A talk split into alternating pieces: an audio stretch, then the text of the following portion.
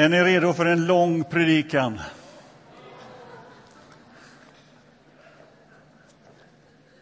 Då kör vi. Vi har alltså på med Romarbrevet och eh, har kommit till kapitel 7. Och nu läser jag inte hela det kapitlet, men jag uppmuntrar dig att ha det uppslaget. Och det finns biblar, Romarbrevet 7, och det finns på sidan 807 i de röda biblarna. Och jag läser bara några versar mot slutet där i det sjunde kapitlet. Och jag läser från vers 14 och framåt.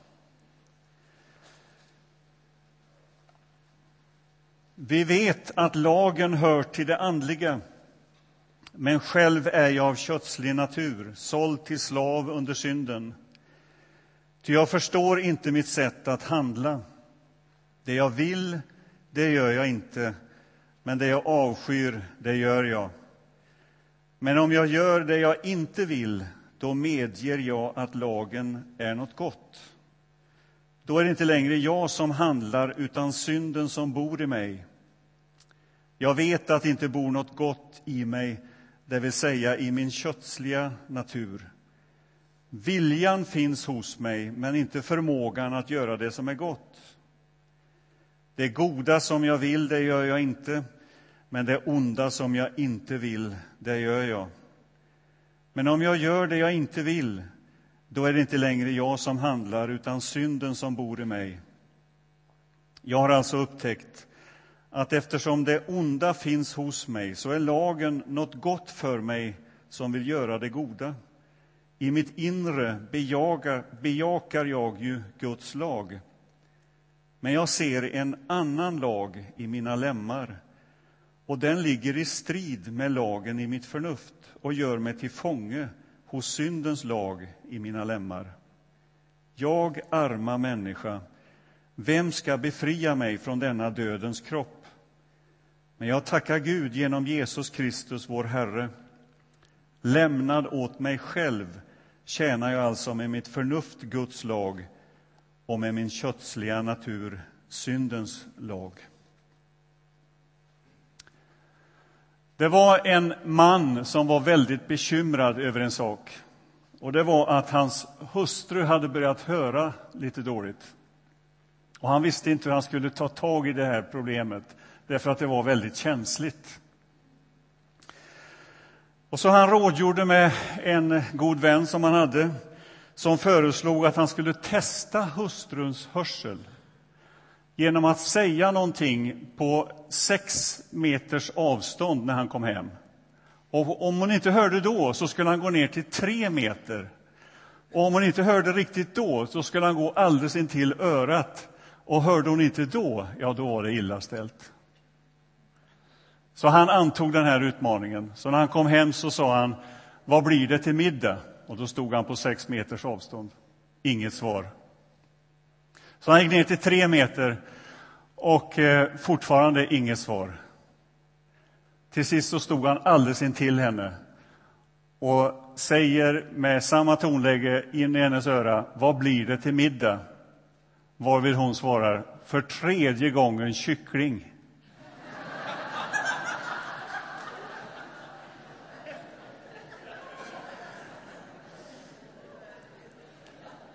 Alltså, nu har Paulus kommit till en utläggning i Romarbrevet.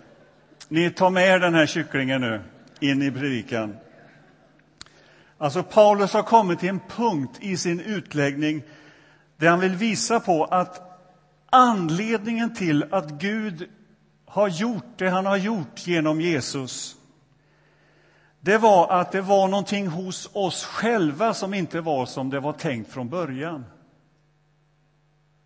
Alltså felet var inte i omständigheter runt omkring oss. Det var inte så här att vi var i behov av bättre omständigheter. Det handlade inte om ett bra utbildningspaket. Människans dilemma, säger Paulus, det var inte att vi var i behov av förbättring. Det var värre än så, säger han. Vi behövde ett nytt liv, ett nytt hjärta. Det är här inne i oss, i mig, det vill till en förändring. Och det är ju så lätt att tänka att det inte är mig det är fel på, utan det är andra orsaker. Och det var ju det första som Adam gjorde eh, i beskrivningen av skapelseberättelsen. Han skyllde ifrån sig. Det är inte mig det är fel på, det var Eva som lurade mig, säger han. Och Bibeln beskriver ju hur, hur människan är skapad av Gud. Det är en fantastiskt vacker berättelse i Första Mosebok om hur människan blev till. Skapad av Gud, av stoft från jorden och så blåste Gud in sin livsande i henne. Och så blev människan en levande varelse. Och Gud har på, på det sättet skrivit in sin lag i människans bröst. Och Det här har Paulus talat om i det andra kapitlet. Det finns där. Kännedomen, kunskapen, spåren av Gud i varje människas liv. Och människans saknad, hennes längtan efter någonting mer är tecken på att hon hör hemma någon annanstans. Det finns en helhetslängtan inlagd i varje människas bröst. Ett spår av skaparen. Och den aningen, den törsten, den längtan efter att få tillvaron att gå ihop det beskriver Bibeln som vi har utgått ifrån Gud, allihop. Och samtidigt så känner vi att det finns någonting som drar mig bort ifrån detta, från skaparen. Och det är det som Bibeln beskriver som synd. Synd betyder att missa målet. Att eh, komma ur kurs. Att inte bli som det var tänkt. Och människan beskrivs som eh, att hon har hamnat ur den här kursen, kommit bort ifrån det här målet och irrar omkring på något sätt, vilsen, förvirrad och samtidigt med en djup, stark hemlängtan, en längtan att få tillvaron att gå ihop. Och den längtan blir som starkast i mötet med skönheten, med en solnedgång eller när barn föds eller när vi upplever skönheten i livet. Då tänds det någonting här inne. Och vi förstår att vi är insatta och vi att vi eh, tillhör ett större sammanhang än bara det här runt omkring oss. Det här kapitlet, kapitel 7 i Romarbrevet, fram till nu så har Paulus gjort en, en lång historisk exposé, kan man säga. Han har börjat med Adam och, och beskriver hur Adams val att vara oberoende av Gud fick ödesdigra konsekvenser, inte bara för Adam utan för hela mänskligheten, för oss alla. Vi har hamnat ur kurs, beskriver han det. Vi har missat målet och uppgiften att vara människa. Och så dyker Abraham upp i kapitel 4 som ett exempel på tro. Och Adam, Abrahams exempel på tro det är ju att han lämnar sitt sammanhang och beger sig till ett sammanhang som Gud visar honom till. Och så beskriver han hur Jesus har för oss alla förändrat villkoren.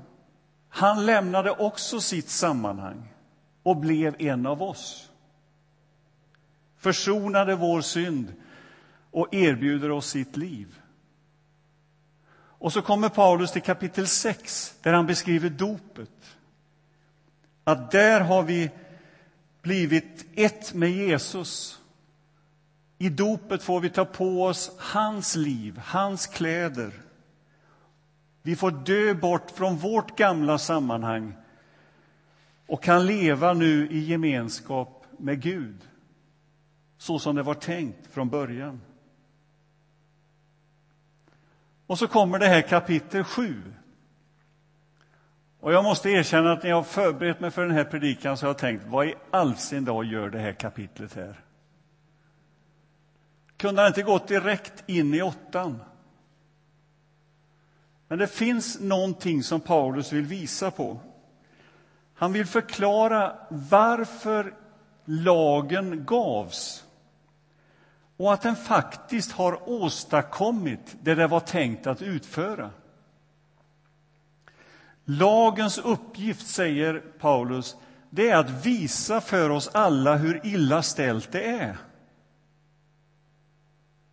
Lagen ställs till vår förvåning på den negativa sidan.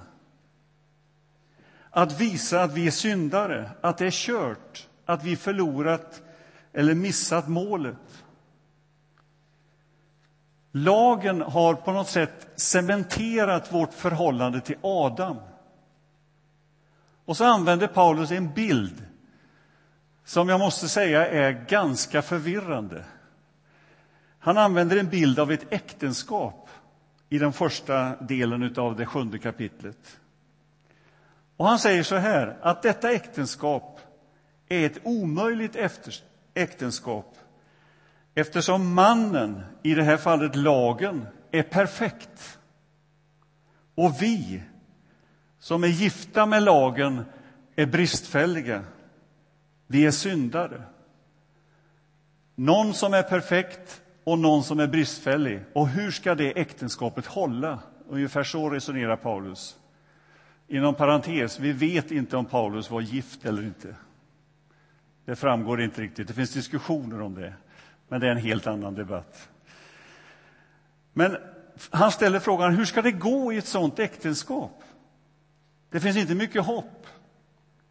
Lagen, som är perfekt, men den är begränsad också i den meningen att den kan aldrig förändra mitt inre, min vilja. Den kan bara påpeka. Och hela tiden kommer lagen där med sitt mätsnöre, med sin linjal och säger så här ska det vara, så här måste du göra, så här borde du, du vara och så vidare. Och så säger, fortsätter Paulus sin tanke med den här bilden och säger att skiljas från lagen, det är en otänkbar tanke eftersom då begår vi äktenskapsbrott. Men, säger han, om lagen dör, då blir vi ju änkor allihop. Är ni med? Och då kan vi ju gifta oss med vem vi vill. Och så resonerar Paulus. Men så helt plötsligt så säger han att lösningen på det här dilemmat, det är inte att lagen dör, utan lösningen är att vi dör. Att vi dör bort ifrån lagen. Att vi dör och att lagen lever vidare. Och så säger han i nästa andetag, vi dör bort från lagen och vi uppstår igen genom Jesus Kristus och så kan vi bli gifta med Jesus och till och med bära frukt. Och med bära frukt menas att vi kan uppfylla det som lagen hade tänkt i Jesus. Är det någon här inne som fattar den här bilden överhuvudtaget? Men han leder oss fram till Jesus. Att där har vi en möjlighet. Och jag tänker så här. Bilden haltar lite grann. Den är svårfångad. Men är det någon som egentligen kan förklara hur mötet med Jesus går till? Är det någon som kan riktigt förklara hur det nya livet i Jesus kan börja leva i våra liv? Och ändå är vi många som kan berätta om att Jesus faktiskt finns i oss och lever sitt liv genom oss. Det är ett under. Och det måste till ett under om vi ska finna tillbaka till det som var tanken med våra liv. Till varför vi skapades För att finna tillbaka till vårt ursprung, till hemmet, så måste det till ett under. Vår situation var så allvarlig, ungefär så tänker Paulus, att ingenting kunde hjälpa oss annat än ett under, ett mirakel. Och det nya livet, det undret, kan ske i varenda en av oss. Så fortsättningen på resonemanget är ungefär så här. Det var inte lagen som var problemet. Det var jag själv. För tredje gången kyckling. Det var mitt problem. Det fanns här inne. Jag behövde ett nytt hjärta. Och det märkliga är ju att jag kan bara finna livet om jag dör bort ifrån begäret att själv styra mitt liv. Och att bli en kristen, att få det nya livet, det är att gå in i en mottagande hållning till Gud. Där jag ser att allt är en gåva. Jag tar emot.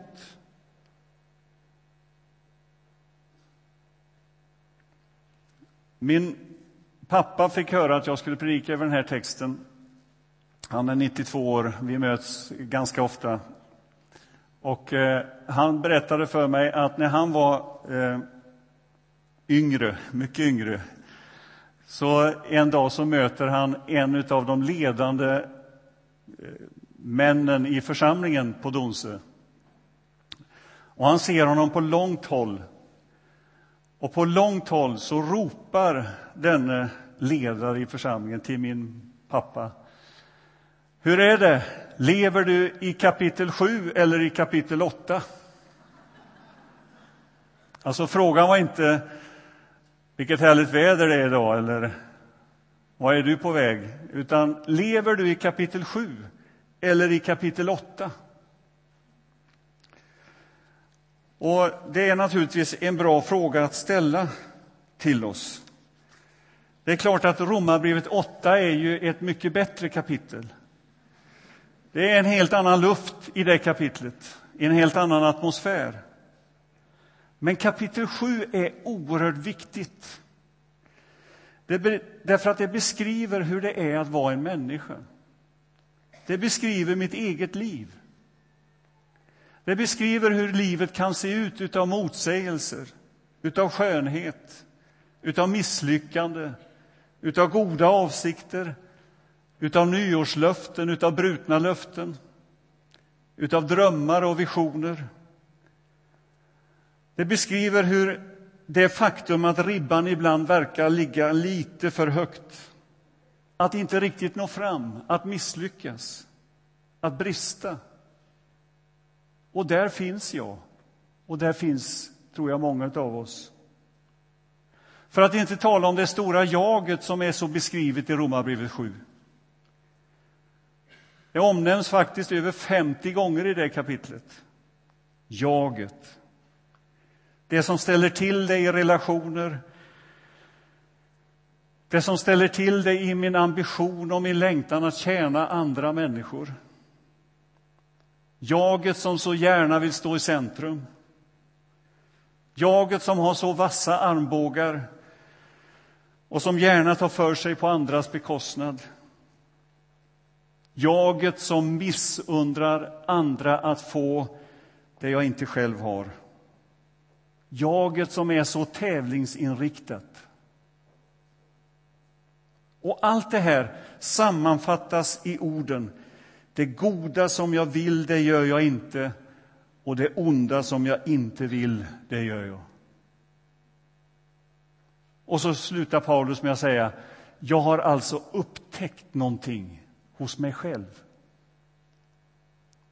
Jag har upptäckt att den första sanningen om mitt liv det är att jag är skapad av Gud, men att jag också är en syndare. Men det slutar inte där. Det slutar i att jag är älskad av Gud och försonad av Gud. Det är också sanningen om mitt liv.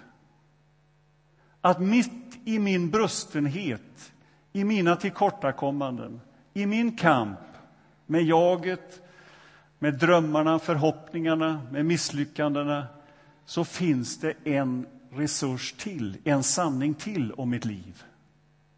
Och det är försoningen och Jesus. Och det stannar på något sätt i ett konstaterande och i en fråga hos Paulus.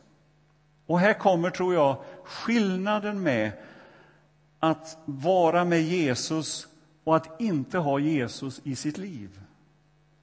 Konstaterandet lämnad åt mig själv. Och stanna där. Lämnad åt mig själv, ja, då är det en hopplös kamp. Lämnad åt mig själv är jag en förlorare. Och så kommer frågan, vem ska frälsa mig? Mot slutet. Och den frågan leder in i kapitel 8. Så lever du i Romarbrevet 7 eller 8? Alltså, om du bara lever i Romarbrevet 7 så skulle jag vilja uppmana dig till kom tillbaka nästa söndag och gå in i Romarbrevet 8. Låt Romarbrevet 8 också få prägla ditt liv, för där är du inte lämnad åt dig själv. Där är jag inte utlämnad åt en hopplös kamp. Där finns det hopp. Och han avslutar med Men jag tackar Gud genom Jesus Kristus, vår Herre. Och så har han sagt två sanningar om sitt liv. Ja, det är bristfälligt. Det är en kamp. Det är svårt. Det är tungt. Men det finns någonting mer. Det finns en sanning till om mitt liv. Och det är att jag är älskad av Gud och att han vill leva sitt liv genom mig. Jag tackar Gud genom Jesus Kristus, vår Herre. Amen. Tack Gud att du i Jesus har kommit till oss. Att vi kan få ett nytt liv i dig nya förutsättningar, hopp. Att du går med oss genom livet, hur den ser ut i vår kamp, i våra försök att få tillvaron att gå ihop. Så kommer du med din nåd, din barmhärtighet och ditt liv in i våra liv. Tack för det, Jesus. Amen.